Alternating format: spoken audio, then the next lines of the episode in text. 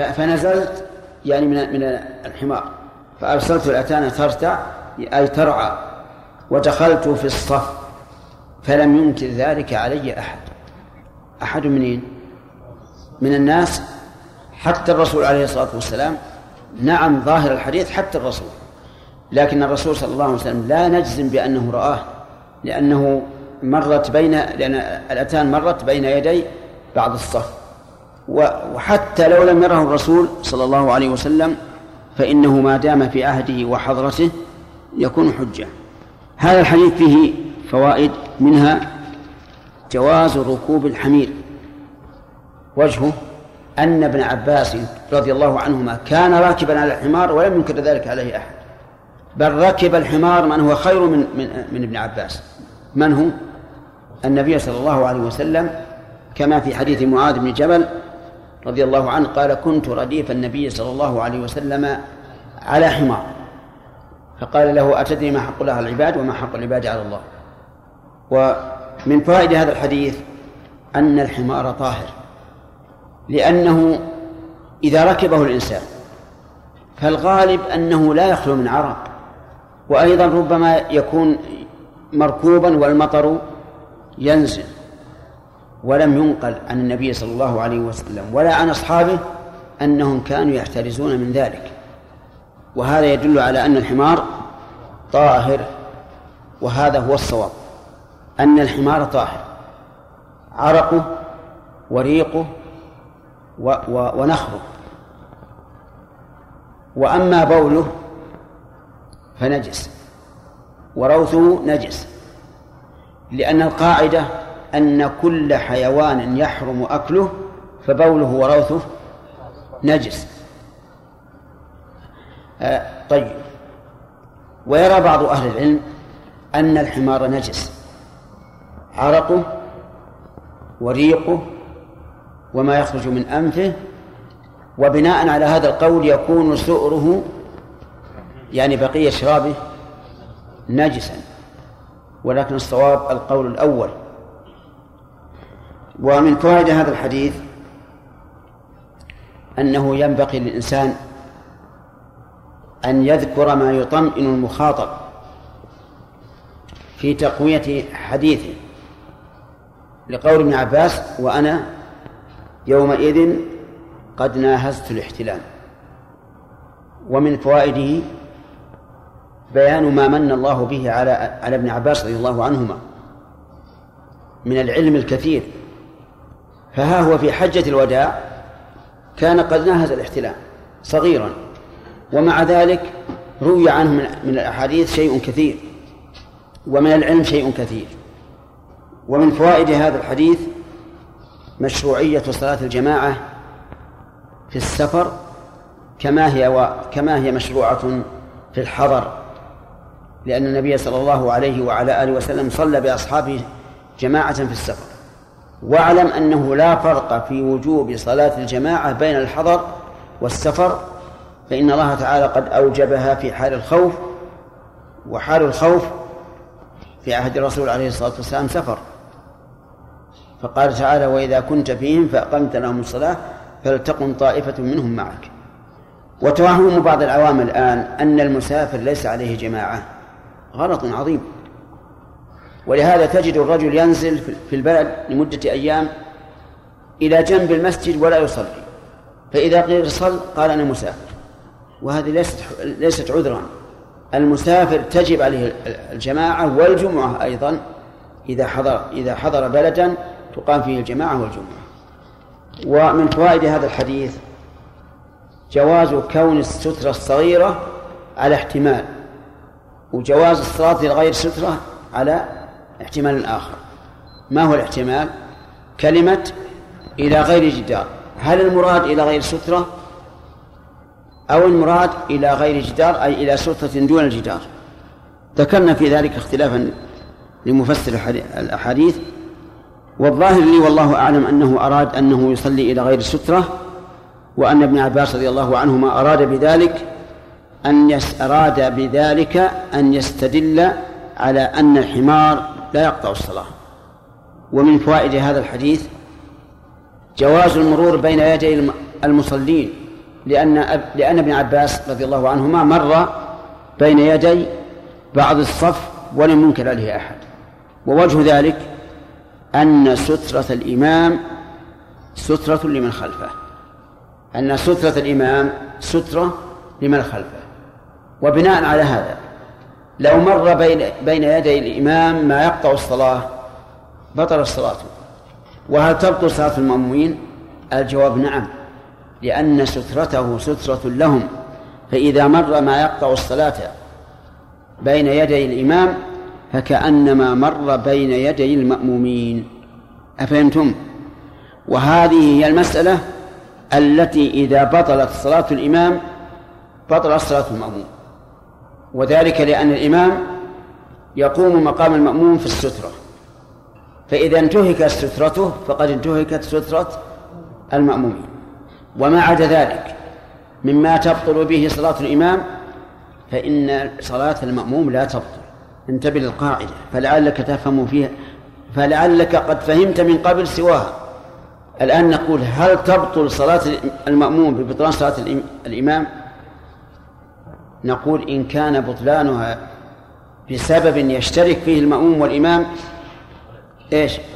بطلت وإلا فلا. ولا أعلم إلى ساعة هذه إلا إلا مسألة السترة.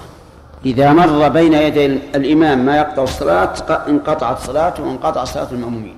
لأن سترة الإمام إيه؟ سترة المأمومين. أما ما عدا ذلك فلا. وبناء عليه لو أحدث الإمام في الصلاة هل تبطل صلاة المأموم؟ لا على القول الراجح لا. فماذا يصنع؟ إذا أحدث في صلاة بريح أو نقطة بول ماذا يصنع؟ يجب أن ينصرف. فإذا قال إنه يستحي أن ينصرف بين يدي المأمومين وأيضا يخشى يشوش عليهم وصار يصلي يركع ويسجد ويقوم ويقعد وهو محدث ما تقولون؟ حلال ولا حرام؟ حرام. بل قال بعض العلماء من صلى محدثا وهو عالم فهو كافر. مرتد. إذا ماذا يصنع؟ نقول انصرف. المأمومون. المأمومون هم بالخيار. إذا لم يعين لهم إماما فهم بالخيار. فإن عين إماما بأن قال يا فلان تقدم كمل الصلاة تعين. وهذا هو الأولى به. أن يقول يا فلان تقدم فصل. كما فعل عمر رضي الله عنه حين طعن أخذ بيد عبد الرحمن بن عوف وأمره أن يكمل بهم الصلاة. أفهمت؟ فإن لم يفعل فإن قدم المأمومون أحدا يتم بهم أتموا به. وإن لم يقدموا أحدا صلى كل واحد وحده ولا تبطل صلاته. هذا هو القول الراجح لأن من ادعى أن صلاة المأموم تبطل ببطلان صلاة الإمام فعليه فعليه الدليل. وإذا لم يج... لم يوجد دليلا فالأصل أن الصلاة صحيحة. ومن فوائد هذا الحديث جواز إرسال آه، الحيوان لتأكل العشب في أرض الحرم. أرض الحرم يا أخوان. يحرم الإنسان يحش الحشيش أو يقطع الشجر أو الورق أو الأغصان فهل يلزمه أن يكمم أفواه الحيوان لئلا تأكل؟ الجواب لا له أن يرسل البهيمة بعيرا أو بقرة أو شاة أو حمارا وترعى ولو عمدا نعم ولو عمدا. أفلا يقول قائل إن عليه الضمان؟ لأنه أرسلها باختياره. فنقول لا. إن النبي صلى الله عليه وسلم قال في مكة لا يعضد شوكة لا يحش حشيشها وهذا ليس عضدا ولا حشا ولهذا أجمع العلماء بأنه يجوز إرسال البهائم في مكة لترعى ولا إثم على صاحب البهيمة. طيب من من فوائد الحديث أن حق الله عز وجل مبني على السهولة والتيسير. من أين يؤخذ؟ من جواز إرسال البهائم لترعى في أرض الحرم ولهذا لو ولهذا لو فرضنا أن هناك زرع لشخص معين هل يجوز أن ترسل البهيمة عليه؟ يجوز أو لا يجوز؟ لا يجوز لأن هذا حق آدمي لكن لما كان تحريم حش الحشيش وقطع الأغصان في الحرم لحق الله صار مبنيا على التيسير ولا يخفى علينا ما في ما في ما في تكميم أفواه البهائم من المشقة علينا وعليها. ومن فوائد هذا الحديث الاستدلال بالسكوت وعدم الإنكار. من من فوائد الحديث الاستدلال بإيش؟ بالسكوت وعدم الإنكار. لقوله فلم ينكر ذلك علي أحد. وهذا مشروط بما إذا كان قادرا على الإنكار. أما إذا كان عاجزا فإن السكوت لا يدل على على الإباحة. ولهذا لو لو رأينا أشياء محرمة لا نستطيع أن نغيرها. ونحن نعلم أنها حرام. هل في سكوتنا هذا دليل على حلها؟ لا. ليس فيه دليل على حلها. ولهذا نجد العامة الذين يستدلون على بعض المنكرات الشائعة بسكوت العلماء نرى أنهم مخطئون. لأنه قد يكون سكوت العلماء عجزا وقد يكون العلماء لم يسكتوا. وأنهم بلغوا من له الأمر ولكن لم يتيسر. المهم أن عدم الإنكار ليس بحجة إلا بشرط. ما هي؟ القدرة على الإنكار. وأما ما عدم القدرة فليس فليس السكوت دليلا على على الحل على الحل والإباحة. من فوائد هذا الحديث أن الداخل في الصلاة يجب أن يدخل في الصف.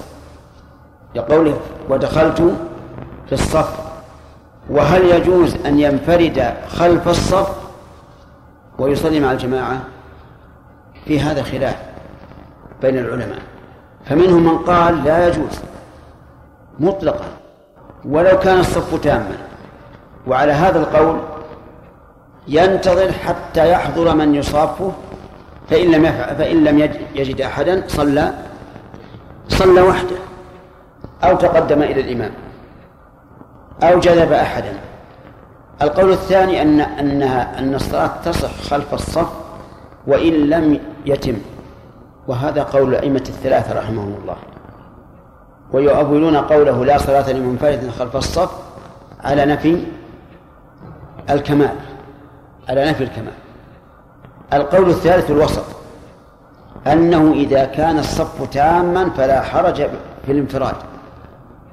وإذا لم يكن تاما فصلاة المنفرد لا تصح. وهذا اختيار الشيخ الإسلام ابن تيمية رحمه الله وهو القول الصحيح. أنه إذا كان الصف تاما فصل خلف الصف منفردا ولا حرج. مفهوم؟ طيب. لأنك إذا لم تصلي فإما أن تصلي منفردا بدون جماعة أو تتقدم إلى الإمام وتخالف السنة وربما تتخطى الرقاب أو تجذب أحدا من مكانه فتكون جانيا عليه مشوشا عليه صلاته فاتحا فرجة في الصف. أو تصلي مع الإمام للضرورة منفردا. أيها خير الأخير لا شك أنه هو الخير ولذلك كان هذا هو القول الصحيح الذي دلت عليه الأدلة. نعم. ولم نعم. هل هذه حال أهل المؤمنين أن يتقدم بنفسه ولا يقدمه أحد نعم. آه، يقول إذا إذا أحدث الإمام ولم يخلف أحدا فهل لأحد المأمومين أن يتقدم؟ وإن لم يقدمه المأمومون نعم نقول لا بأس. لكن عاد ينبغي إذا كان أن في, في القوم من هو أقرأ منه أن لا يتسرع في التقدم. نعم. لا أسمعك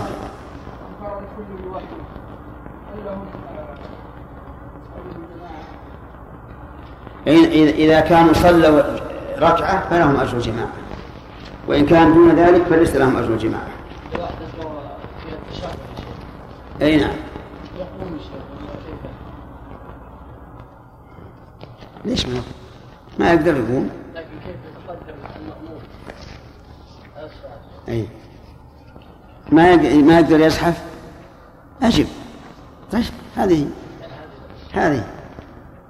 ما هو وجه الدلالة على أن الصلاة بغير وضوء يعني آه، كفر مخرجا من الله؟ تكون إيش؟ آه، كفر مخرجا من الله. ها. ما هو وجه هذا قالوا إن هذا الرجل الذي يصلي بلا وضوء وهو غير معذور مستهزئ بآيات الله. كيف يتقرب إلى الله بما نهى الله عنه؟ فهو مستهزئ. أفهمت الآن ولا لا؟ خلاص. لكنه قول ليس بصحيح. نعم. صلاة المسافر حديث إذا سافر العبد. إذا مرض سافر بالنسبة صلاة كتب له ما كان يعمل. صحيحا مقيما وصلى منفردا. هل تكتب له صلاة جماعة في إذا لم يجد جماعة. إذا لم يجد. نعم نعم أراد أن يجتاز بين يديه فدفع فما ارتضى هل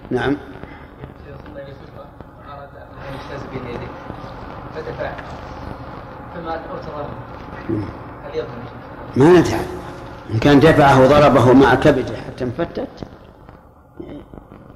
يضمن. وإلا فلا يضمن. رأيت لو سلمت على واحد صفحته. لما وضع يده في يدك هلك مات. تضمنه؟ شيخ بالنسبة للسترة النبي صلى الله عليه وسلم ورد أنه عرض الدابة أمامه كسترة. وأيضا لم يصلي النبي صلى الله عليه وسلم في الأحاديث التي وصلت إلا بسترة. وحديث النبي صلى الله عليه وسلم أن الشيطان يقطع الصلاة والشيطان لا يرى. فواجب على الإنسان أن يضع سترة على قول بعض أهل العلم. ف يعني ما أدري شيخ بالنسبة للوجوب هذا هل هو يأثم الإنسان إذا لم يقع فيه؟ واستدلالهم ببعض الفرش. وقول النبي صلى الله عليه وسلم لا يصلي المصلي إلا إلا مثل مؤخرة الرحل. مؤخرة الرحل قيل هي يعني شبر أو أو أزود هالدنيا اللي جمعت هذه وش؟ هذه يجمعونها الشيخ حبل العلم. إيه. وصراحة الواحد فيها في في حيرة يعني. الرسول عليه الصلاة والسلام ما قال يعني ما أوجب على الإنسان أنه يتخذ سترة كمؤخرة الرحل لكن أخبر أن يعني أخبر بما يدل على أن كمال السترة أن تكون كمؤخرة الرحل وهذا لا شك فيه. لكن قوله ليستتر أحدكم ولو بسهم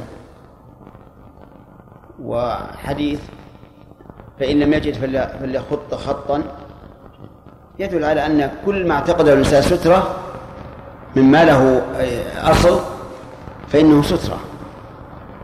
أما إذا لم يكن له أثر كالخط الآن خط الفراش هذا ما هو سترة. لأنه لا يختلف عن عن المصلى إلا إلا باللون. عند الوقت. والمرأة والمرأة. طيب.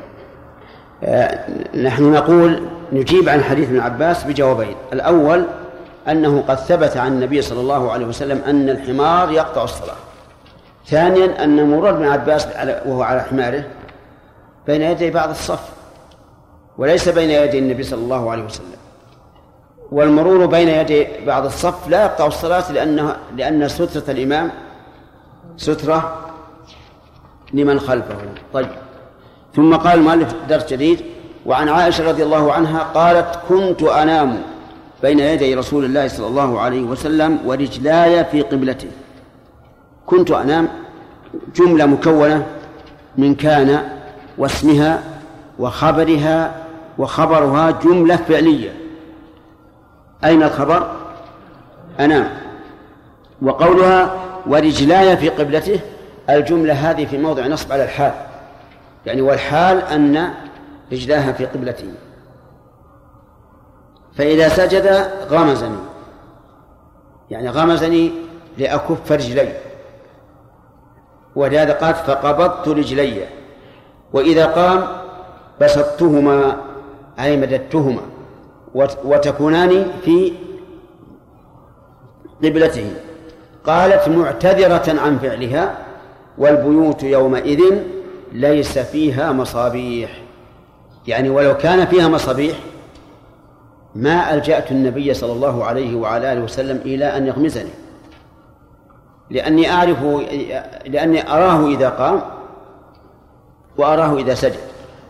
فالجملة قوله البيوت يومئذ جملة حالية تريد بها عائشة رضي الله عنها الاعتذار عما تصنعه حيث كانت تلجئ الرسول صلى الله عليه وسلم إلى أن يغمزها.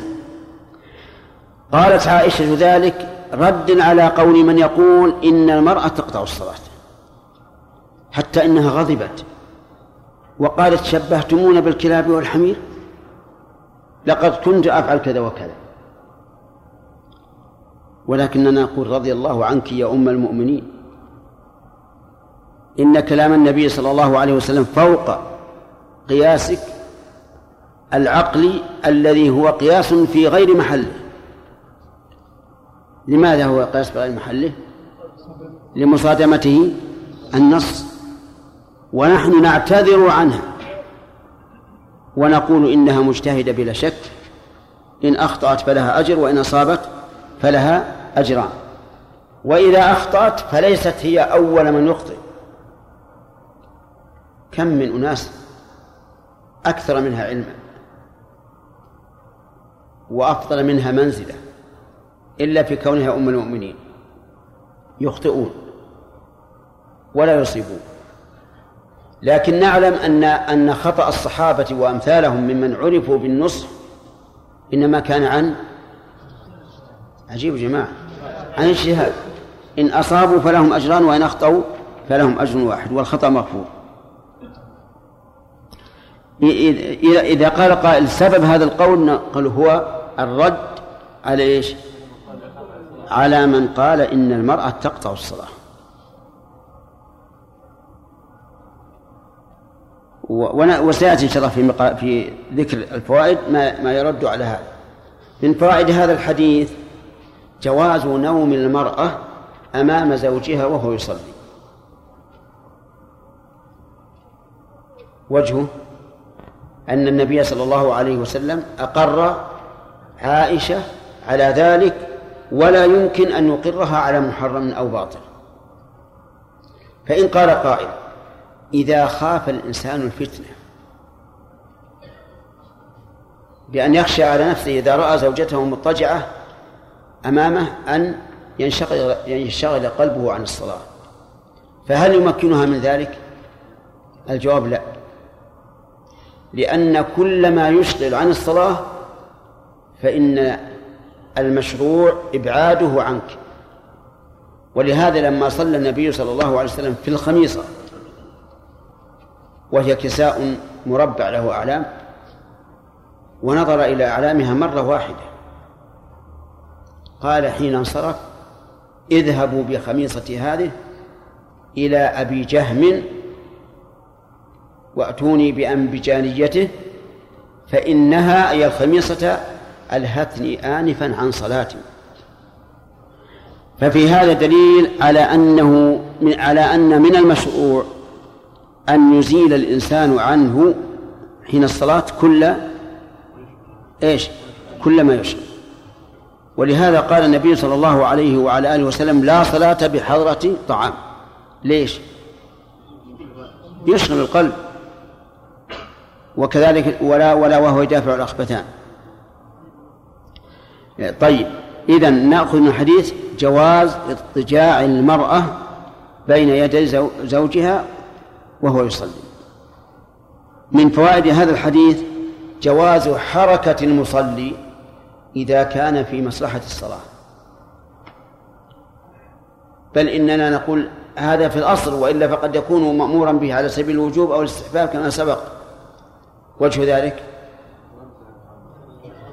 قوله إذا سجد غمسا.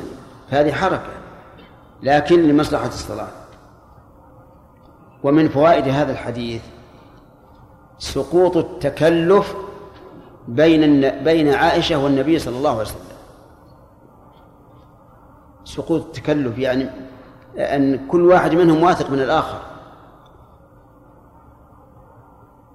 بدليل أنها تمد رجليها في قبلته. ولهذا يقال عند الأحباب تسقط الآداب. أليس كذلك؟ ولا تجد نفسك مع أخيك وصاحبك وصديقك الحميم؟ لا تتكلف التصنع له. بل تفعل أشياء ربما لا تفعلها عند آخرين أقل منه محبة وصداقة. لأنه آه، كما قال المثل الذي ذكرته عند الأحباب تسقط الآداب لكن ليس معنى هذا السقوط أنك تسقطها مرة مرة. لكن أسقط التكلف. ومن فوائد الآية الكريمة الحديث من فوائد الحديث أنه ينبغي إزالة ما يمنع كمال السجود. وجهه أن النبي صلى الله عليه وسلم كان يغمز رجليها حتى يتم سجوده لأنه لو سجد ورجليها بين آه، بين يديه وركبتيه فقد يكون هناك نقص في السجود. لو يحصل أدنى حركة اختل السجود. ومن فوائد هذا الحديث أنه ينبغي للإنسان إذا فعل ما ينتقد عليه أن يبين العذر. منين تؤخذ؟ من قولها والبيوت يومئذ ليس فيها مصابيح. الله أكبر. لله درهم. إلى هذا الحد بيوتهم في الليل ما فيها مصابيح. نحن الآن لو طفى عندنا الكهرب نعم خمس دقائق لضجت الدنيا وهم يعيشون هذه العيشة. بيوتهم ليس فيها مصابيح حتى في الليل. طيب. إذا إذا إذا فعلت ما يحتاج إلى عذر فاعتذر حتى لا توصم بالعيب. ولكن هنا شيء آخر. قبل أن تفعل ما يعتذر منه احذر من فعل ما يعتذر منه. أولا لا تفعل شيئا تقدم له اعتذارا لأنك إذا فعلت ما ينتقد عليك فقد يكون اعتذارك لا لا يرفع الانتقاد. وانتبهوا لهذا. كثير من من من, من نحن أنا وغيري نفعل الشيء أو نقول الشيء ثم نندم ساعة ما نقول أو نفعل. فنقول اضبط نفسك أولا. لا تفعل شيئا يحتاج إلى اعتذار. لأنك لو فعلته ثم اعتذرت قد لا يقبل منك العذر. ثم أيما أولى أن يكون الإناء نقيا من الأول أو يتوسخ ثم يغسل. الأول أولى. ولهذا من آداب الإنسان أنه ينبغي أن لا يفعل ما يحتاج إلى اعتذار لا من القول ولا من الفعل وإن ولكن إن قدر أنه فعل فل إيش؟ فليعتذر. ولا أعظم من قصة وقعت للرسول عليه الصلاة والسلام حول هذا الموضوع. من يحفظها؟ مع؟ لا ما هي حفصة. صفية. آه، وش القصة؟ أسرع. أسرع.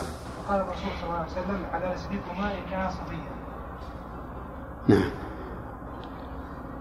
فهنا اعتذر النبي عليه الصلاة والسلام. ل... ل... لماذا؟ لأنه ما أسرع خجلا خجلا من الرسول عليه الصلاة والسلام. أن أن أن يروه أو أن يرياه ومعه زوجته وحياء. وهذا شيء مشاهد حتى في عصرنا الآن. إذا رأيت مع الرجل زوجته فإنك تحب أن تمشي وتسرع فاعتذر الرسول عليه الصلاة والسلام بأنها صفية خوفا من أن يوقع الشيطان في قلوبهما شرا. ومن فوائد الحديث الاستدلال على أن مرور المرأة بين يدي المصلي لا يقطع الصلاة. هذا ما أرادته عائشة ولكن نقول عفى الله عن عائشة عفى الله عنها. لم تصب في هذا القياس. من وجهين. الوجه الأول أنه مصادم للنص. لكنها متأولة معذورة الوجه الثاني أن القياس غير صحيح أصلا. لأن النبي صلى الله عليه وسلم أخبر عن بطلان الصلاة فيما إذا مر. مرت المرأة. وكون الرجلين في قبلة المصلي لا يعني أنه أن أنها مرت وفرق بين المرور وبين كون الرجل أو اليد بين يدي المصلي ولهذا لو كان بينك وبين لو كان المصلي بينك وبين صاحبك ومددت إليه حاجة من بين يدي المصلي هل تكون آثما؟ وش أنتم فاهمين السؤال ولا لا؟ هل تكون آثمة أو لا؟ الأخ أي أنت وش هو ليس؟ طيب تمام أيضا مد الرجل مد الرجل ليس ليس مرورا وعلى هذا فالصواب أنه أنه يقطع صلاة الرجل المسلم إذا لم يكن بين يديه مثل مؤخرة الرحل الحمار صغيرا كان أو كبيرا أسود أو أبيض والمرأة البالغة. أما من دون من دون البلوغ فلا تقطع الصلاة لكنها تنقصها كمرور الرجل الثالث الكلب الأسود. الكلب الأسود دون الأبيض دون الأحمر. وهل المراد بالأسود؟ الأسود خالصا الذي ليس فيه أي لون آخر. أو ما غالبه السواد. نعم الأسود البهيم. إلا أن العلماء ألحقوا به آه، ما فوق عينيه بياض. قالوا هذا لا يمنع أن يكون أسود بهيما. لأن هذا يوجد كثيرا في الكلاب السود. طيب وإذا قطع الصلاة هل يستأنفها أو يمضي فيها؟ نقول يستأنفها. يعني قطع الشيء معناه عدم اتصال بعضه ببعض. وعلى هذا فيستأنف الصلاة. طيب وهل يقطع الصلاة الشيطان؟ نعم. لا يقطع الصلاة. الشيطان لا يقطع الصلاة. وأما قوله صلوات الله وسلامه عليه الكلب الأسود شيطان فيعني أنه شيطان من شياطين الكلاب. كما قال تعالى شياطين الإنس والجن. فالبهائم لها شياطين والجن لهم شياطين والإنس لهم شياطين. فالمراد بشيطان يعني أنه شيطان من شياطين الكلاب. ولهذا كان أقبح الكلاب الكلب الأسود. ولا ولا يحل صيده عند كثير من العلماء مع أن الكلاب المعلمة يحل صيدها لكن الكلب الأسود لا يحل صيده. الكلاب لا يجوز قتلها إلا المؤذي منها إلا الأسود فيباح قتله. فلا فللأسود الكلب الأسود خصائص. فالصواب أن, أن هذه الثلاثة تقطع الصلاة والحمد لله. الأمر يسير. إذا قطعها يستأنفها وهل يثاب على ما صلى منها؟ نعم يثاب لكنه لا يجزي عن الواجب ولا عن المستحب حتى يعيد الصلاة من جديد. ثم قال المؤلف رحمه الله باب جامع. يعني هذا باب جامع يعني ليس خاصا بمسائل معينة بل هو جامع. عن أبي هريرة عن أبي قتادة الحارث بن ربعي الأنصاري رضي الله عنه رضي الله عنهما.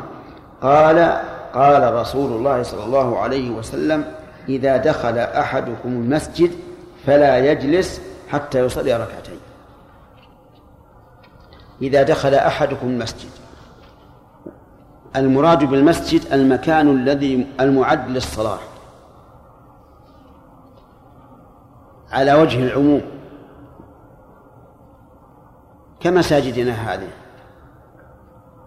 وقولنا على وجه العموم احترازا من المسجد الخاص الذي يبنيه الإنسان في بيته. فإن بعض البيوت يتخذ منه حجرة تكون للصلاة مصلى. هذه مصلى وليست مسجدا. ولذلك سيأتينا في الفوائد إن شاء الله أن المصليات التي تكون في الدوائر لا يثبت لها حكم المسجد. وقول إذا دخل أحدكم المسجد إذا ظرف للزمان وتفيد العموم يعني في أي وقت فلا يجلس يعني في المسجد حتى يصلي ركعتين ومعلوم أن أن أن هذه المسألة في رجل دخل المسجد إيش؟ متطهرا لأنه لو كان غير متطهر فإنه لا يمكن أن يصلي ركعتين. وإنما إذا دخل متطهرا فلا يجلس حتى يصلي ركعتين. طيب. لماذا؟ احتراما لبيت الله عز وجل. لأن المساجد لله. قال تعالى وأن المساجد لله. وقال عز وجل ومن أظلم ممن منع مساجد الله أن يذكر فيها اسمه. وسماها وسماها النبي صلى الله صلى الله عليه وسلم بيتا لله. فقال ما اجتمع قوم في بيت من بيوت الله. فلهذا كان من الحسن والمناسب أن لا تدخل بيت الله حتى تؤدي الصلاة لله. التحية. ولهذا تسمى عند العلماء هاتان الركعتان إيش؟ تحية المسجد. في هذا الحديث فوائد. والمفاسد. إيش؟ أولى من جنب المصالح. أولى من جلب المصالح. طيب. آه، الوقت انتهى الآن. نعم. نعم. وهو خلف. نعم.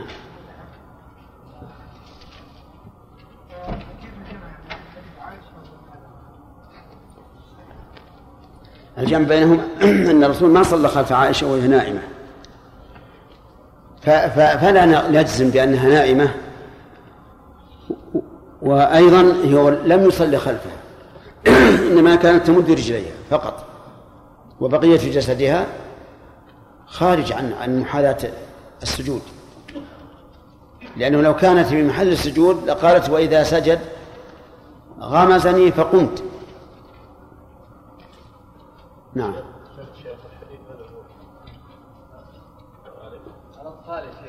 نعم كيف يمكن كيف يمكن نقول قول في إيش؟ يردهم التحرك صعب التحرك أحيانا.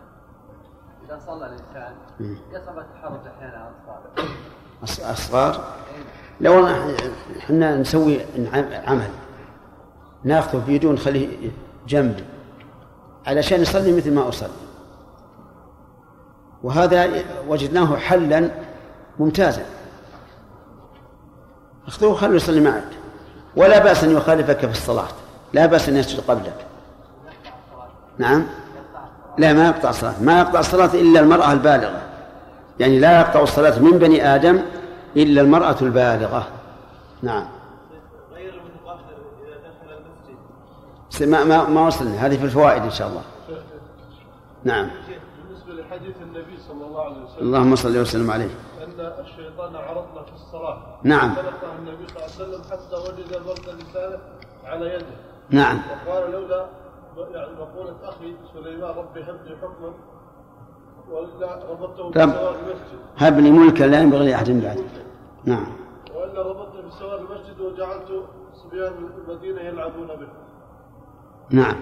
فهذه ما تدل على أن الشيطان يقطع الصلاة؟ لا. أراد يعني يقطع لي صلاته بالوساوس والشكوك. ثم إننا ما ندري من من يعلم منه مر بين يديه شيطان. هل تعلم؟ لكن السترة أنها تمنع مرور الشيطان. طيب إذا إذا إذا إذا سلمنا أنه غير مسلم هذا أيضا. السترة فائدتها أنها تمنع من قطع الصلاة ومن تقيس الصلاة ثم إنها تحجر النظر. وإذا انحجر النظر استراح القلب. هذا يقول مهدي الطالب مهدي. نعم. إيش؟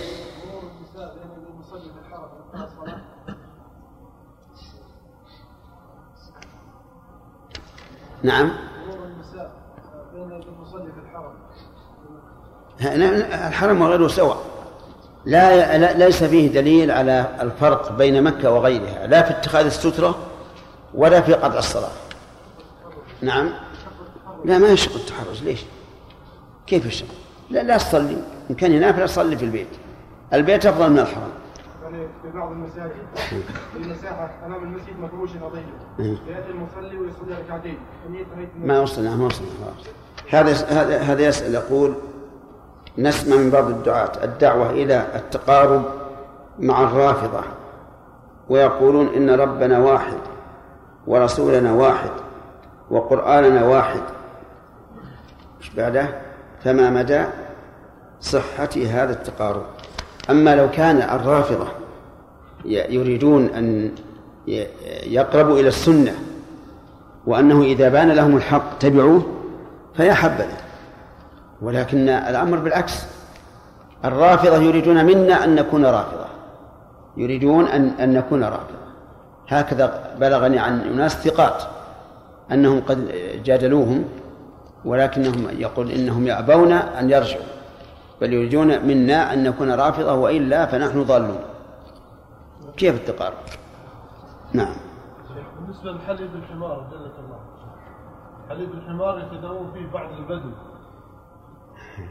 وما لنا ولا بنا الحمار الرجال. إحنا الآن في, في الآن يتعالجون فيه إيه لكن بس ما هو انتهى الوقت؟ لا انتهى الوقت. ولكن ما الجواب لا, يجوز. انتهى الوقت يا جماعة. بسم الله الرحمن الرحيم. الحمد لله رب العالمين وصلى الله وسلم على نبينا محمد وعلى آله وأصحابه ومن تبعهم بإحسان إلى يوم الدين. مر علينا فيما سبق أنه ينبغي للإنسان إذا فعل ما يحتاج إلى الاعتذار فإنه يعتذر. وهل الأولى وهل الأولى للإنسان أن يفعل الشيء ثم يعتذر أو أن لا يفعل؟ أن لا يفعل. الأولى أن لا يفعل. فإن فعل فإنه يعتذر لئلا نعم لئلا ينسب إليه لئلا يقدح فيه. باب جامع. معنى قوله باب جامع أن هذا الباب ليس لمسألة معينة بل هو جامع لأنواع من أنواع الصلوات. شرحنا أظن الحديث. ها؟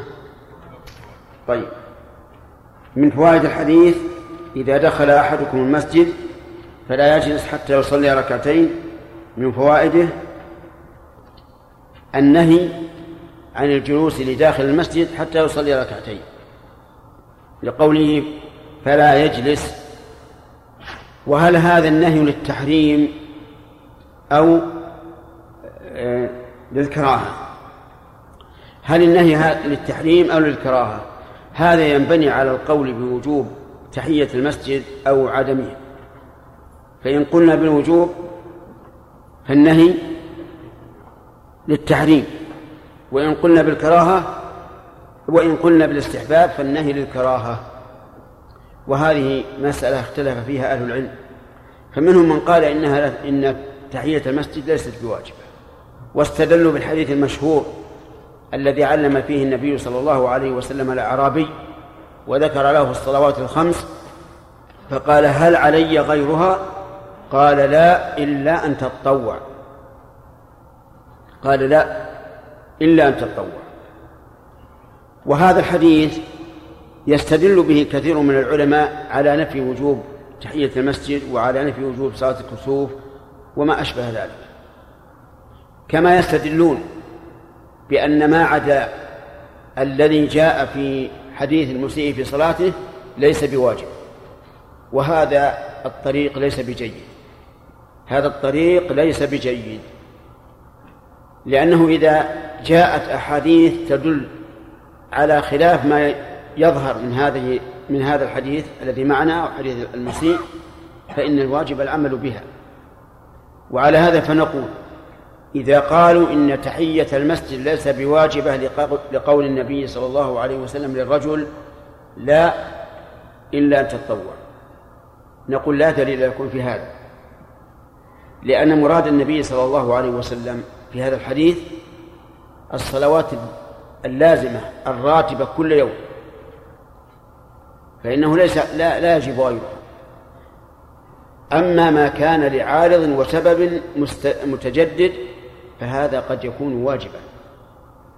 نعم يستدل بالحديث. ليس علي هل علي غيرها إلا قال لا إن لم تتطوع. يستدل به على عدم وجوب صلاة الوتر. لأن صلاة الوتر متكررة كل يوم. أما ما كان لسبب فالحديث لا يدل على عدم الوجوب أفهمتم الآن؟ إذن الذين قالوا إن تحية المسجد ليست بواجبة استدلوا بهذا الحديث. وقلنا كما سمعتم إيش؟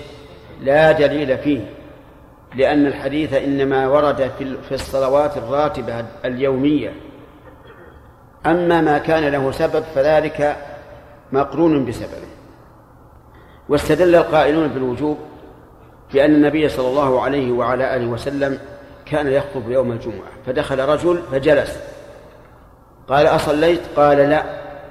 قال قم فصل ركعتين وتجوز فيهما. وجه الدلالة من الحديث أولا أن النبي صلى الله عليه وسلم قطع خطبته ليخاطب هذا الرجل. ثانيا أنه أمره أن يصلي وفي الصلاة تشاغل عن استماع الخطبة. واستماع الخطبة واجب ولا يتشاغل عن الواجب إلا بواجب. ثالثا أن الرسول صلى الله عليه وسلم قال تجوز فيهما وهذا يعني أنه أمر أن يصلي بقدر الضرورة فقط. وهذا الحديث لا شك أن أنه دال دلالة واضحة على وجوب تحية المسجد.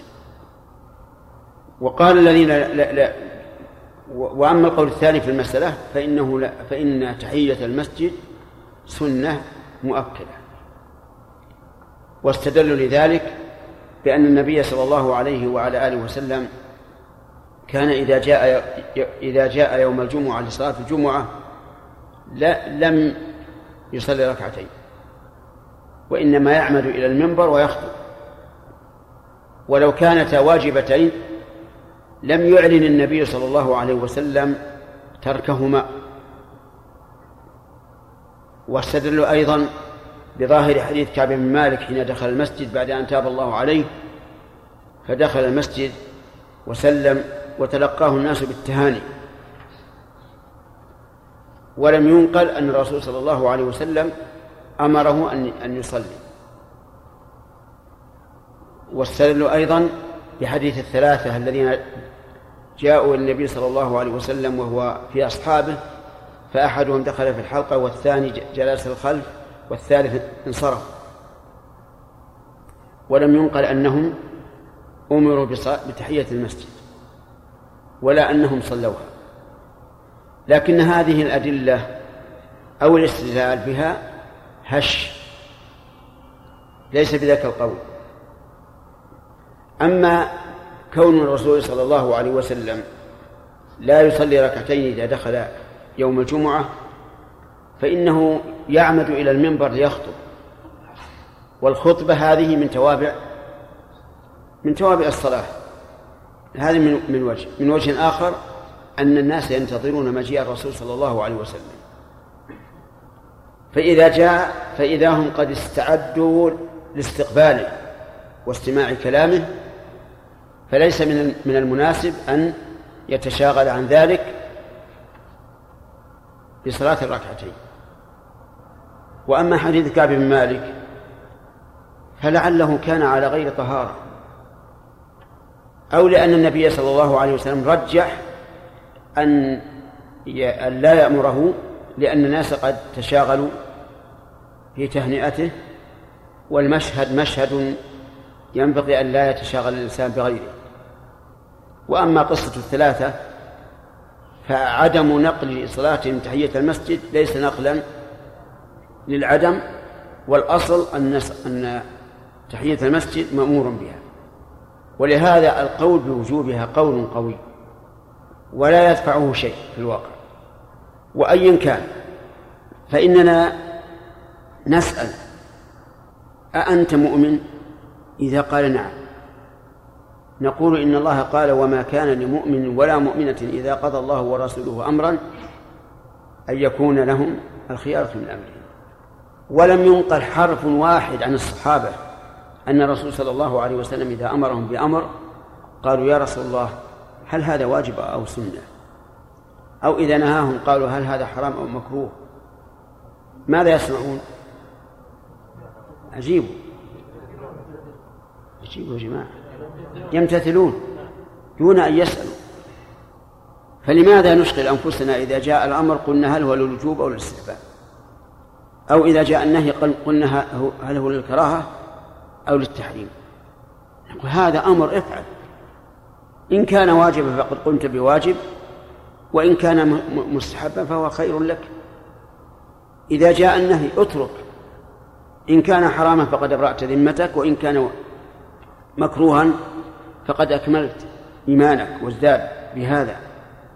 نعم إذا وقع الإنسان في الشرك وتورط في مخالفة الأمر أو في فعل المنهي عنه حينئذ نبحث هل هو هل الأمر للوجوب أو للكراهة؟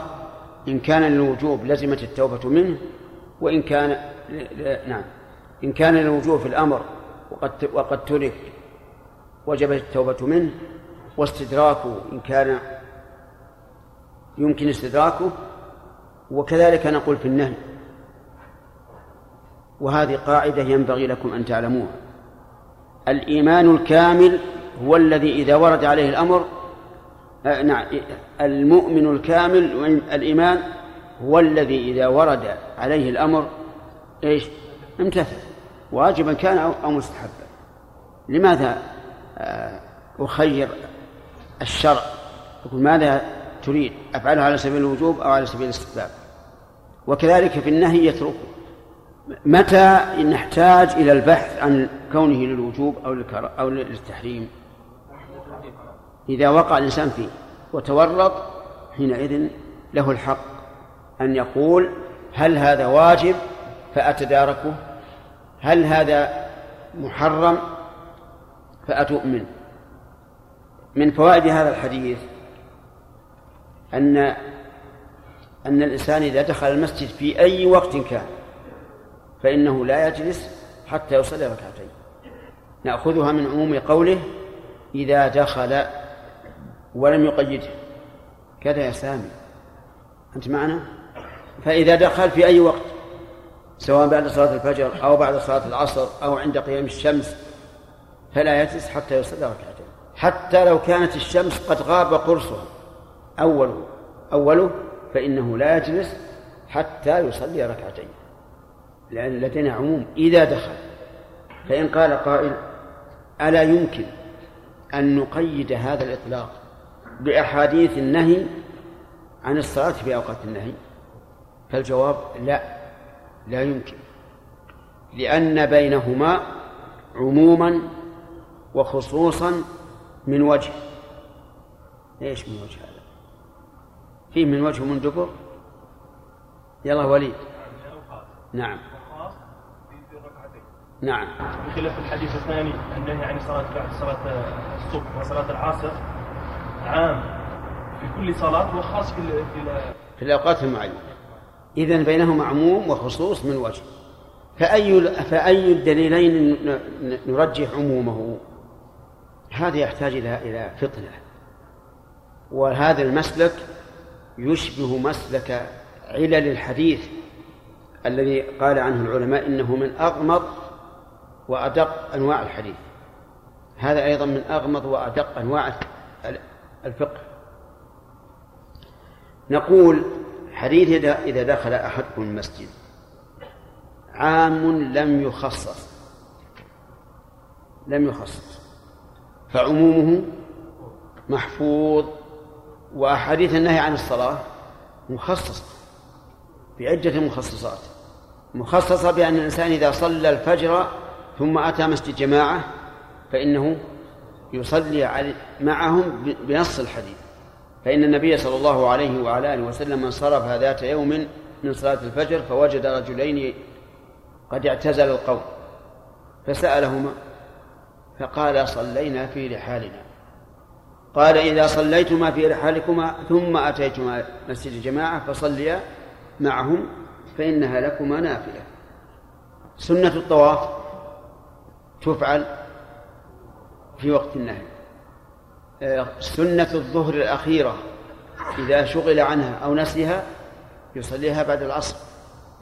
قال أهل العلم والعام المحفوظ مقدم على العام المخصوص. لماذا يقدم عليه؟ لأن العام المخصوص. قال بعض العلماء إنه إذا خصص العام بطل عمومه. انتبه. إذا خصص العام بطل عمومه. لأن تخصيصه يدل على أن عمومه غير مراد فتبطل دلالته على جميع أفراده. وإذا كان قال بعض العلماء إنه إذا خصص بطل عمومه أصبح ليس بعام. لكن القول الراجح أن العام إذا خص فإنه يبقى عاما فيما عدا ما خصص به لأن الأصل بقاء دلالته على ما هي عليه. فيخرج منها ما خص ويبقى الباقي على عمومه. هذا هو الصحيح في هذه المسألة. إذا قال قائل ما الذي ترجحونه؟ قلنا نرجح أنه إذا دخل المسجد فلا يجلس حتى إيش؟ حتى يصلي ركعتين. في أي وقت؟ من فوائد هذا الحديث أنه إذا دخل المسجد غير متوضئ فلا يصلي. لأن قوله فلا يجلس حتى يصلي لم يقل حتى يتوضأ ويصلي. ومعلوم أن من شروط الصلاة من شروط صحتها الطهارة.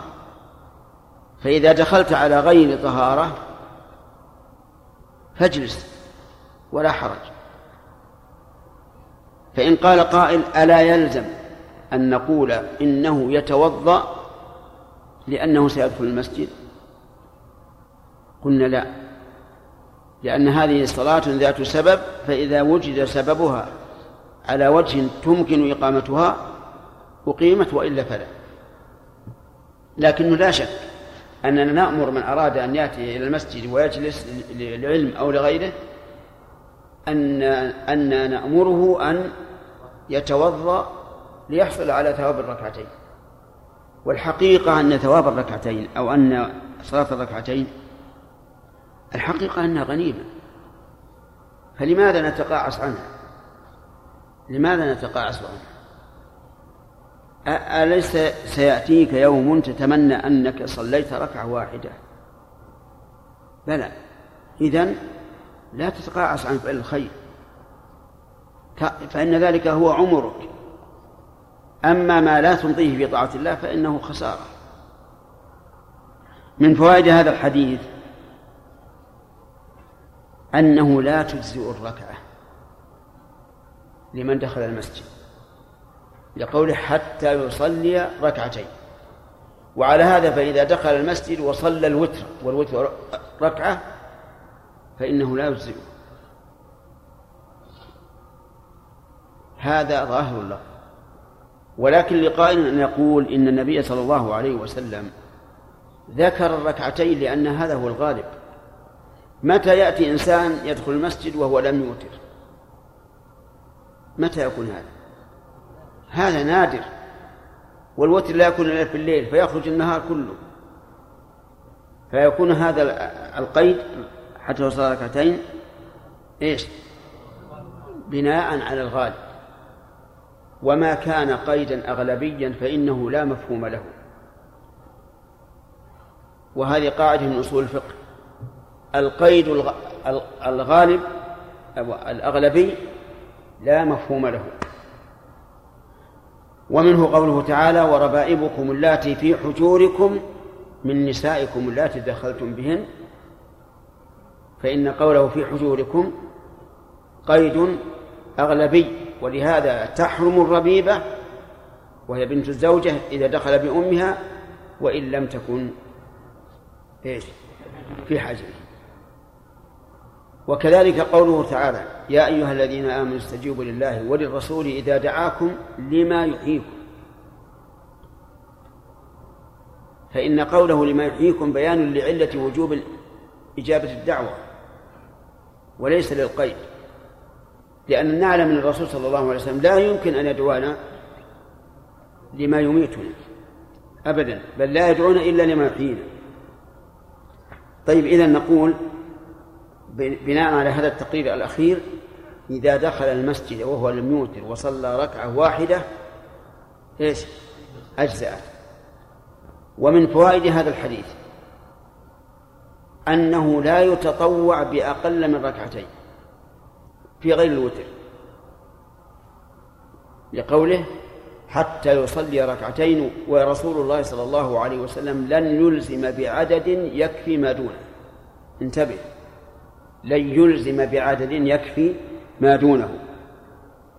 فيكون هذا دليلا على بطلان قول بعض الفقهاء إنه يجوز التطوع بركعة. فإننا لا نسلم هذا. ونقول التطوع بركعة بدعة. ولم ترد السنة في التطوع بركعة إلا إلا في الوتر.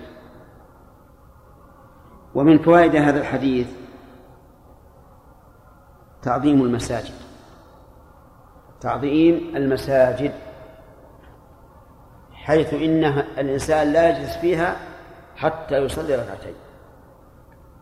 ولا شك أن المساجد معظمة ولو لم يكن من تعظيمها إلا أن الله أضافها إلى نفسه. في قوله جل وعلا ومن أظلم ممن منع مساجد الله أن يذكر فيها اسمه. وسماها النبي صلى الله عليه وسلم بيوت الله في قوله ما اجتمع قوم في بيت من بيوت الله. ومن فوائد هذا الحديث أن الإنسان إذا دخل المصلى إذا دخل المصلى الذي أعده للصلاة فيه في بيته أو مكتبه أو ما أشبه ذلك فإنه لا ينهى عن الجلوس قبل أن يصلي ركعتين. كذا يا فراس؟ لأنه لا يعتبر مسجدا.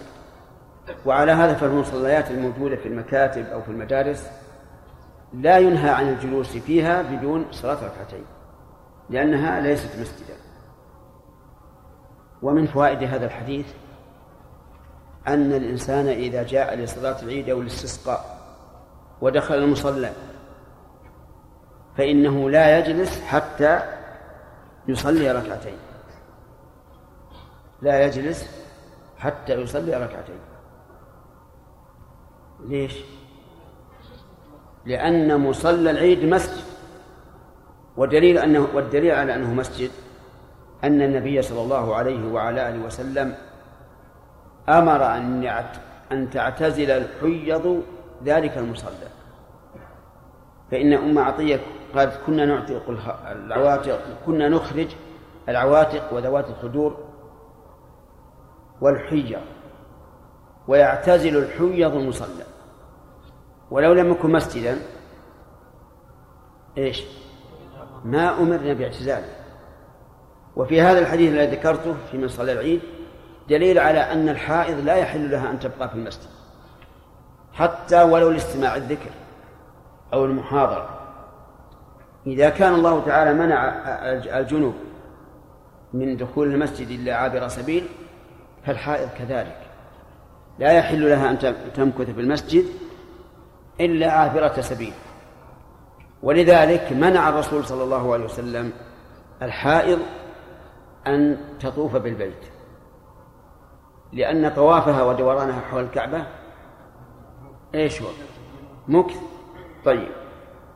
فإن قال قائل ما تقولون في رجل دخل المسجد على وضوء وصار يدور في المسجد؟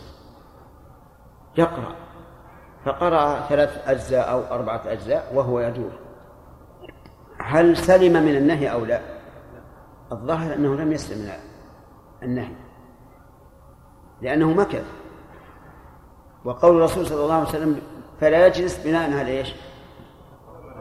على الغالب.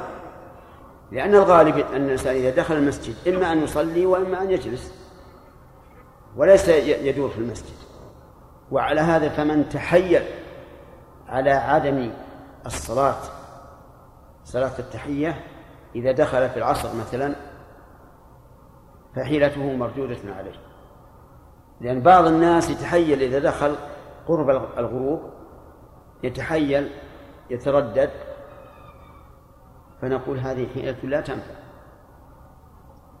لأن هذا مكث والنهي عن الجلوس لئلا يمكث لئلا يمكث في المسجد قبل أن يصلي ركعتين. فإن قال قائل هل يشترط أن تكون الركعتان مستقلتين؟ بمعنى أنه لو دخل وصلى الفجر هل نقول باقي عليك تحية المسجد؟ لا لأن المقصود بتحية المسجد أن لا تجلس حتى تصلي ركعتين. فريضة كانت أو نافلة أو راتبة أو مطلقة. ثم قال وعن زيد بن أرقم رضي الله عنه قال كنا نتكلم في الصلاة يكلم الرجل منا صاحبه وهو إلى جنبه في الصلاة حتى نزلت وقوموا لله قانتين فأمرنا بالسكوت ونهينا عن الكلام. كنا نتكلم يعني في أول الأمر في الصلاة يكلم الرجل منا صاحبه في حاجته التي يريد أو يريد أن يقص عليه قصة. حتى نزلت قول الله تعالى وقوموا لله قانتين. قوموا أي في الصلاة. لله أي تجاه الله عز وجل. وقاصدين الله تعالى. قانتين حال كونكم. قانتين ومن القنوت إيش؟ السكوت عن مكالمة الآدميين. لأن تحدث صاحبك. هل يقال القانت؟ أين القنوت لله؟ أنت الآن كأنك في مجلس فرح ومرح. و فأمرنا بالسكوت. من أمرهم؟ النبي صلى الله عليه وعلى آله وسلم. أمرهم بذلك مفسرا للآية الكريمة. أن المراد بقوله قوموا قانتين أي ساكتين عن كلام الآدميين. فأمرنا بالسكوت أي أمرنا رسول الله صلى الله عليه وعلى آله وسلم ونهينا عن الكلام. والمراد عن الكلام أي كلام إيش؟ الكلام المذكور أن الإنسان يكلم صاحبه وهو في الصلاة. لا عن مطلق الكلام لأن الإنسان لا بد أن يقرأ. والقرآن كلام. ففي هذا الحديث فوائد منها جواز النسخ. من فوائد الحديث جواز النسخ أي نسخ الحكم. وجه ذلك أن الكلام كان مباحا ثم كان حراما. والنسخ جائز عقلا واقع شرعا. أما وقوعه شرعا فكم من نص قد نسخ قرآني أو نبوي. وأما جوازه عقلا فلأن الأحكام الشرعية إنما شرعت لمصالح العباد. أجيبوا نعم أو لا؟ نعم. شرعت لمصالح العباد. والمصالح تختلف. قد يكون هذا الحكم مصلحة في وقت وغير مصلحة في وقت آخر. أليس الخمر أبيح؟ ثم عرض بتحريمه. ثم حرم في أوقات الصلاة. ثم حرم عبارة الكتاب يا حجاج ثم حرم تحريما تاما. الجواب بلى. أليست الصلاة أول ما فرضت ركعتين ثم زيد في صلاة الحضر. وذلك للمصالح. إذن جوازه عقلا عن النسخ وجهه أن الأحكام الشرعية أجيبه تابعة لمصالح العباد. فمتى كان هذا الحكم مصلحة في وقت؟ فثم مشروعيته. وما كانت مصلحته في وقت آخر فإنه يلغى طيب فإن قال قائل هل تنسخ الأخبار؟ فالجواب لا. لا نسخ إلا في الأحكام. الأخبار لا يمكن أن تنسخ لأن تجويز ذلك يعني تجويز تكذيب أحد الخبرين بالآخر وهذا مستحيل. ولهذا من الفروق بين النسخ والتخصيص أن التخصيص يكون في الأخبار والنسخ لا يكون فيها. ويأتي إن شاء الله بقية الكلام عليه. نعم وليد. نعم هل يدخل فيه العام أكثر من العام معنى المحفوظ يكون أقل منه؟ كيف؟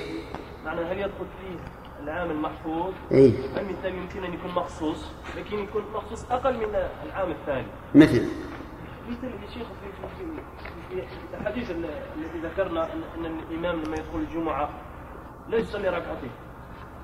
طيب نعم. عليه يا شيخ. كيف؟ الإمام يوم الجمعة يا شيخ لما يدخل لا يصلي ركعتين فكان يكون العام مخصوص في هذا الوجه. لا هو ال- ال- الكلام هذا أجبنا عنه بارك الله فيك. أجبنا عنه. الجواب الذي ذكرناه هي ال- الجواب لهذا. أي. نعم. قررت القاعدة أن إذا وجد أمر محتمل وأمر محكم؟ إيش؟ قررت من الشيخ قاعدة؟ نعم. إذا وجد أمر محتمل وأمر محكم؟ نعم. نعمل نحمل المحكم على المحتمل لا. غلط. غلط. نحمل كلامك هذا غلط. المحكم على المتشابه. غلط. بالعكس المتشابه على المحكم نعم. صحيح. أو غير المحتمل على المحتمل. فلا نقول أن وغير المحتمل عن المحتمل؟ غير المحتمل على المحتمل. طيب. فلا نقول غلط. اليوم إذا فضل الشيخ نحمل غير المشتبه على المحكم المشتبه على المحكم. طيب نحمل المشتبه على المحكم صح؟ نقول وسط الثلاثة الذين دخلوا المسجد ولم يصلوا إن هذا أمر يعني مشتبه فيه أو غير يعني أو محتمل. وأمر النبي صلى الله عليه وسلم إذا دخل أحدكم المسجد فلا- فيصلي ركعتين. محكم؟ لا تحت هذه القاعدة؟ لا ما ما ما هو صحيح لأن هذا مو هذا واضح. هذا واضح. ما في اشتباه شيخ ورد حديث الله يفضلك عن النبي صلى الله عليه وسلم إن الرجل كان يتخطى رقاب الناس فامره النبي صلى الله عليه وسلم بالجلوس. وهذا ما نعلم هل صلى ركعتين أو لا. نعم. هذه يعني أمر النبي صلى الله عليه وسلم له بالجلوس دون تبين عن حاله هذا من من جنس الذي ذكر الأخ. هذا من المشتبه يحمل على المحكم. أن النبي صلى الله صلى الله عليه وسلم رآه صلى ركعتين. ولكنه قام يتخطى فنهاه. نعم. إيش؟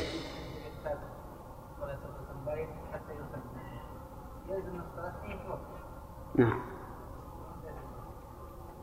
حتى يصلي إذا كان أهلا للصلاة. أما غير متوضئ ما هو بأهل للصلاة. فلا يتوجه لا يتوجه إليه الخطاب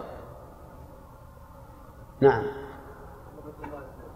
يقرر انه يجب على داخل المسجد ان يصلي تحيه المسجد لكن اشكل علي احسن الله كما جاء في مسجد احمد اذا آه، ذهب احدكم إلى الجمعه ثم دخل المسجد ثم صلى عباده له وقول ابي داود رايته احمد ما اقصي يجلس ولا يصلي نعم.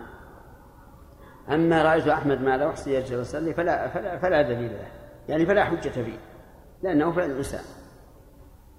وأما قوله إن بدا له إنما كان لئلا يظن الإنسان أن أنه يجب عليه إذا دخل. هذا إن كانت اللفظة محفوظة. وهذا أيضا من المشتبه الذي يجب أن يحمل على على المحكم إذا صلى أحدكم فليستتر لا يقطع الشيطان عليه صلاته نعم. هل هذا الحديث يفيد أن الشيطان يقطع الصلاة؟ أولا بارك الله فيك أثبت لي هذا الحديث. راجع راجع راجع. راجعه وإن إن صح فيحمل على أنه يقطعها عليه. بالوساوس. نعم. عاد هذا رفع يده قبل أن أعلم. شيخ إذا دخل إنسان في صلاة جنازة صلى حديث إذا دخل رجل في صلاة جنازة. صلى معهم صلاة الجنازة. نعم. وهو سيجلس أو يخرج مع الجماعة مع الجنازة. إذا إذا انتهى صلاة الجنازة فليصلي ركعتين. انتهى الوقت. و- والنسخ من حكمة التشريع. وقد أنكر قوم النسخ وقالوا إننا لو قلنا بالنسخ للزم من ذلك البداء على الله. بمعنى أن يظهر له الشيء بعد خفائه عليه وكذبوا في ذلك. بل جواز النسخ يدل على كمال حكمة الله عز وجل وأن الشريعة ينسخ بعضها بعضا لمصالح العباد. ومن فوائد هذا الحديث أن الكلام مبطل للصلاة لقوله أمرنا بالسكوت ونهينا عن الكلام والأمر يقتضي الوجوب. ويدل لهذا أي لتحريم الكلام في الصلاة قول النبي صلى الله عليه وسلم لمعاذ بن الحكم إن هذه الصلاة لا يصلح فيها شيء من كلام الناس. فإن قيل لو تكلم الإنسان ناسيا أو غافلا أو جاهلا فهل تبطل صلاته؟ فالجواب لا. لا تبطل صلاته. لعموم قول الله تعالى ربنا لا تؤاخذنا إن نسينا أو أخطأنا. وهذه الآية عامة في كل ما يقع من خطأ أو نسيان فمن يدعى تخصيص شيء منها فعليه الدليل. كما أن الكلام ورد فيه قضية معينة وهو أن معاذ بن الحكم رضي الله عنه كان يصلي مع النبي صلى الله عليه وعلى آله وسلم. فعطس رجل من القوم فقال الحمد لله. فقال له معاوية يرحمك الله. فرماه الناس بأبصارهم أي جعلوا ينظرون إليه نظر إنكار. فقال واتكل أمية تكلم ثانية. فجعلوا يضربون على أفخاذهم يسكتونه فسكت. فلما انصرف النبي صلى الله عليه وسلم من صلاته دعا قال معاوية فبأبي هو وأمي ما رأيت معلما أحسن تعليما منه والله ما كهرني ولا نهرني. وإنما قال إن هذه الصلاة لا يصلح فيها شيء من كلام الناس إنما هي التسبيح والتكبير وقراءة القرآن أو كما قال ولم يأمره بالإعادة مع أن المسيء في صلاته أمره بالإعادة. قال ارجع فصلي فإنك لم تصل. إذا نأخذ نقول في من تكلم جاهلا صلاته صحيحة. من تكلم ناسيا أنه في صلاة فصلاته صحيحة. من تكلم غافلا فصلاته صحيحة. مثل أن يستأذن عليه أحد لدخول البيت فيقول تفضل. غافل. فصلاته صحيحة. ولو وكذلك لو كان بغير إرادة منه كما لو سقط عليه شيء فقال أح فصلاته صحيحة لأن هذا بغير قصد منه. ومن فوائد هذه الآية الكريمة إثبات نزول الآيات من عند الله عز وجل لقول حتى نزلت قوله تعالى حتى نزلت وقوموا لله قانتين ولها ومن أصول أهل السنة والجماعة الإيمان بأن القرآن كلام الله منزل غير مخلوق وإنما قالوا غير مخلوق ردا لقول الجهمية والمعتزلة القائلين بأن بأن كلام الله مخلوق. ولئلا يتوهم واهم أن نزوله من عند الله يكون بالخلق كما قال تعالى وأنزل وأنزلنا الحديد فيه بأس شديد. وأنزل لكم من أنزل لكم من الأنعام ثمانية أزواج. ومن فوائد الآية الكريمة. نعم ومن فوائد الحديث الشريف إطلاق العموم مع إرادة الخصوص.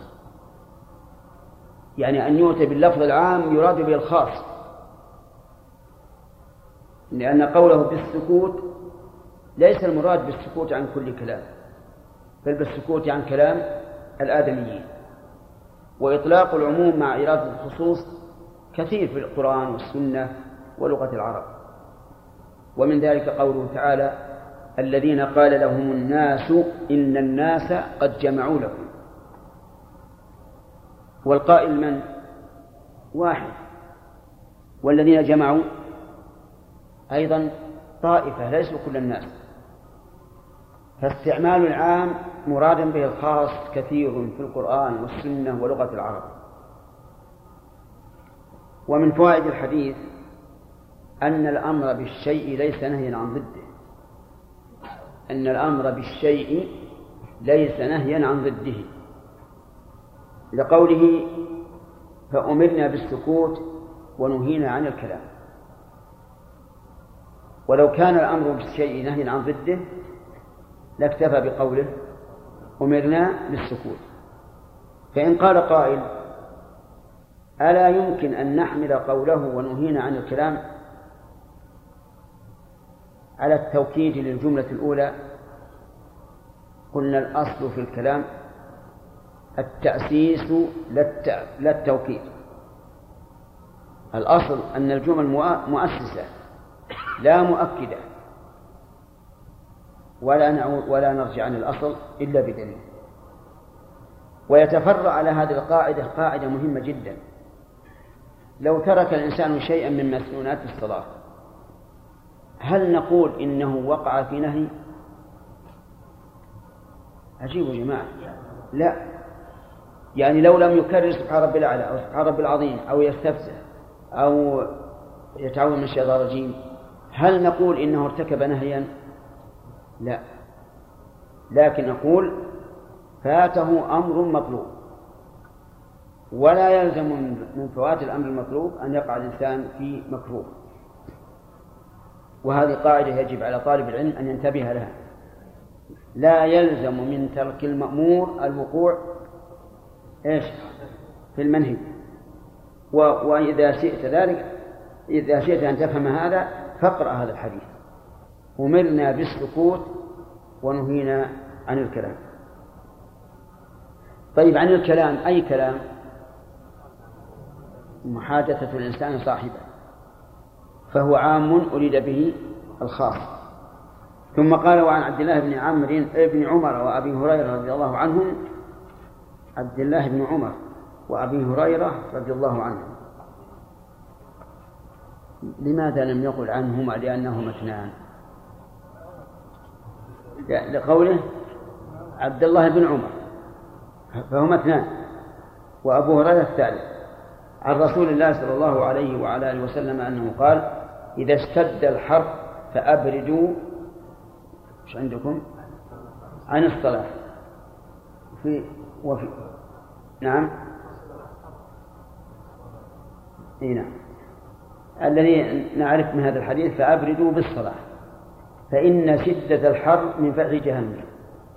إذا اشتد الحر يعني حر الجو وذلك في أيام الصيف والقيض فأبردوا بالصلاة أي فأقصروا الصلاة وهي صلاة الظهر لأنها هي التي تكون في شدة الحر.